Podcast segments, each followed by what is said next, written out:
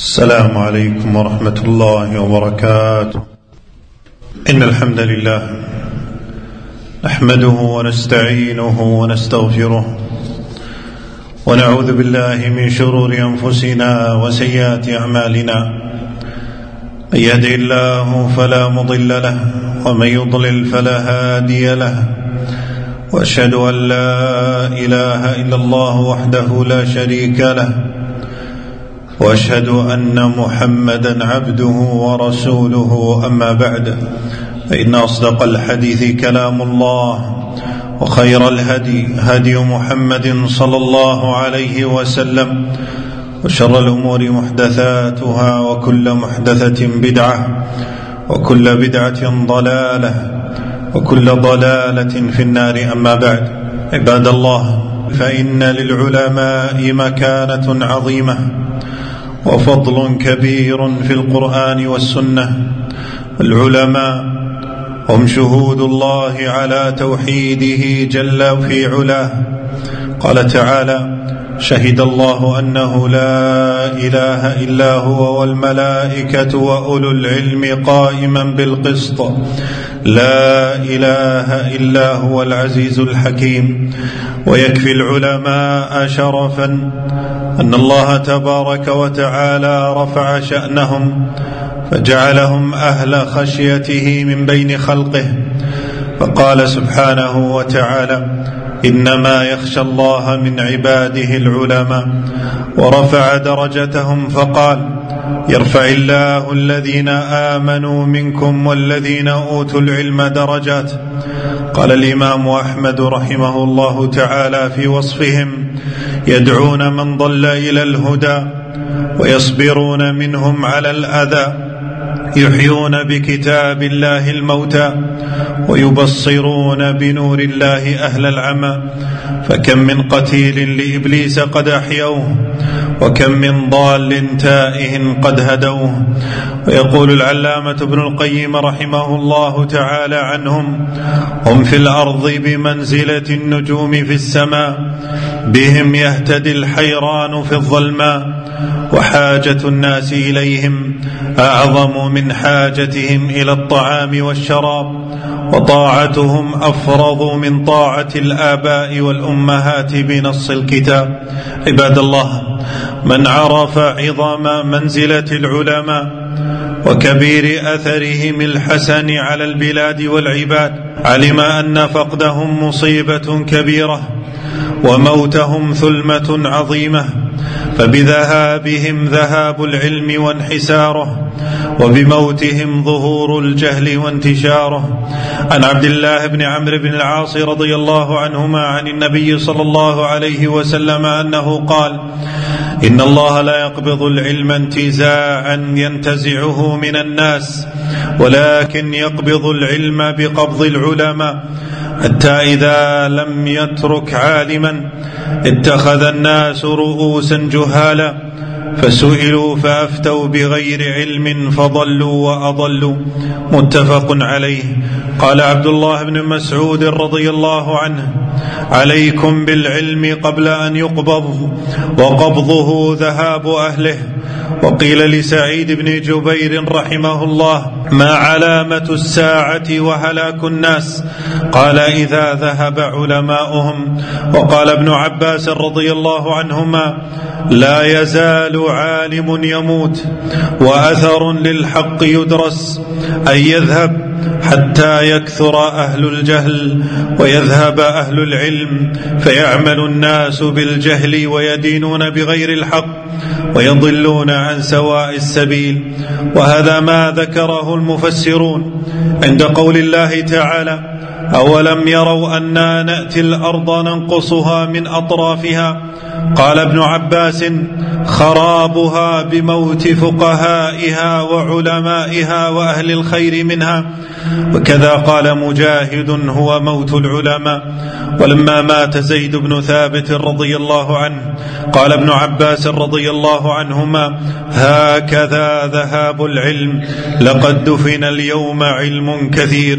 قال ابن القيم رحمه الله لما كان صلاح الوجود بالعلماء ولولاهم كان الناس كالبهائم بل أسوأ حالا كان موت العالم مصيبة لا يجبرها إلا خلف غيره له.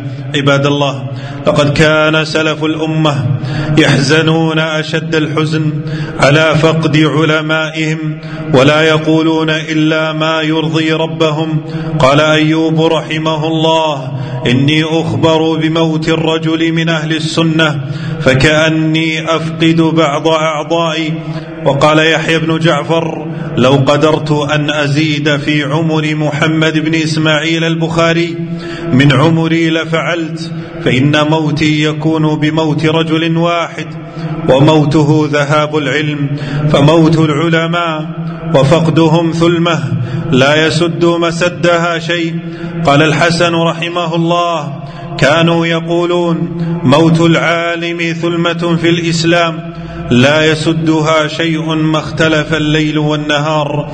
ولذلك ورد عن عمر أنه قال موت ألف عابد أهون من موت عالم بصير بحلال الله وحرامه. قال ابن القيم ووجه قول عمر أن هذا العالم يهدم على إبليس كل ما يبنيه بعلمه وإرشاده وأما العابد فنفعه مقصور على نفسه بل إن فقد العلماء من العقوبات العاجلة لتركنا العلم والاجتهاد في تعلمه. قال سفيان بن عيينة رحمه الله وأي عقوبة أشد على أهل الجهل أن يذهب أهل العلم. أقول ما تسمعون وأستغفر الله العظيم لي ولكم من كل ذنب فاستغفروه إنه هو الغفور الرحيم. الحمد لله الصلاه والسلام على رسول الله وعلى آله وصحبه ومن اتبع هداه. أما بعد فأوصيكم ونفسي بتقوى الله. فمن اتقى الله وقاه ونصره وكفاه. عباد الله إن فقد العلماء وذهابهم عبرة وعظة لمن خلف من بعدهم فحين يرى المسلم حسن خاتمتهم وظهور الثناء من أهل السنة والحق عليهم يدفعه ذلك إلى أن يجتهد فيما اجتهدوا فيه ويسلك سبيل العلم الذي أفنوا أعمارهم فيه.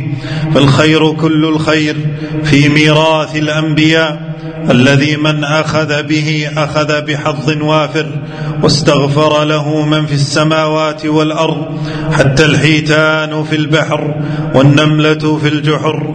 فان ابي الدرداء رضي الله عنه قال سمعت رسول الله صلى الله عليه وسلم يقول من سلك طريقا يلتمس فيه علما سهل الله له طريقا إلى الجنة وإن الملائكة لتضع أجنحتها لطالب العلم رضا بما يصنع. وان طالب العلم يستغفر له من في السماء والأرض حتى الحيتان في الماء. وإن فضل العالم على العابد كفضل القمر على سائر الكواكب. إن العلماء هم ورثه الأنبياء. إن الأنبياء لم يورثوا دينارا ولا درهما. إنما ورثوا العلم فمن أخذه أخذ بحظ وافر. فعلى طلاب العلم الاجتهاد في التحصيل لعل الله أن يرفع بالعلم شأنهم. قال ابن مسعود رضي الله عنه عليكم بالعلم قبل أن يرفع ورفعه هلاك العلماء والذي نفسي بيده ليودن رجال قتلوا في سبيل الله أن يبعثهم الله علماء لما يرون من كرامتهم. واعلموا أن من حق أهل العلم من أهل السنة والحق علينا أن ندعو لهم ونترحم عليهم ولا نذكرهم إلا بخير وأن من ذكرهم بسوء فهو على غير السبيل. قال عبد الله بن المبارك رحمه الله من استخف بالعلماء ذهبت آخرته ومن استخف بالأمراء ذهبت دنياه ومن يعادي العلماء الربانيين يعرض نفسه لحرب الله تعالى. ففي الحديث القدسي من عادى لي وليا فقد آذنته بالحرب وإن الوقيعة فيهم بما هم منه براء. أمر عظيم والتناول لأعراضهم بالزور والافتراء. مرتع وخيم لنحذر عباد الله من الطاعنين في العلماء من أهل الأهواء والبدع فالعلماء يحولون بينهم وبين نشر الفساد والابتداع في الدين والطعن في العلماء وأهل السنة الأتقياء من علامة أهل البدع والأهواء قال أبو حاتم رحمه الله. علامة أهل البدع الوقيعة في أهل الأثر ومن تمنى موتهم وذهابهم فقد تمنى زوال الدين وذهابه ودليل على أنه من أهل الهوى والبدعة. قال حماد بن زيد رحمه الله حضرت أيوب السختياني وهو يغسل أحد أصحابه وهو يقول إن الذين يتمنون موت أهل السنة يريدون أن يطفئوا نور الله بأفواههم ويأبى الله إلا أن يتم نوره. ولو كره الكافرون. اللهم ارحم من مات من علمائنا واحفظ من بقي منهم واجزهم عنا خير الجزاء. اللهم إنا نسألك العفو والعافية في الدنيا والآخرة. ربنا آتنا في الدنيا حسنة وفي الآخرة حسنة وقنا عذاب النار. اللهم اغفر للمؤمنين والمؤمنات والمسلمين والمسلمات الأحياء منهم والأموات. ربنا اغفر لنا ولوالدينا وصلى الله وسلم وبارك على نبينا محمد.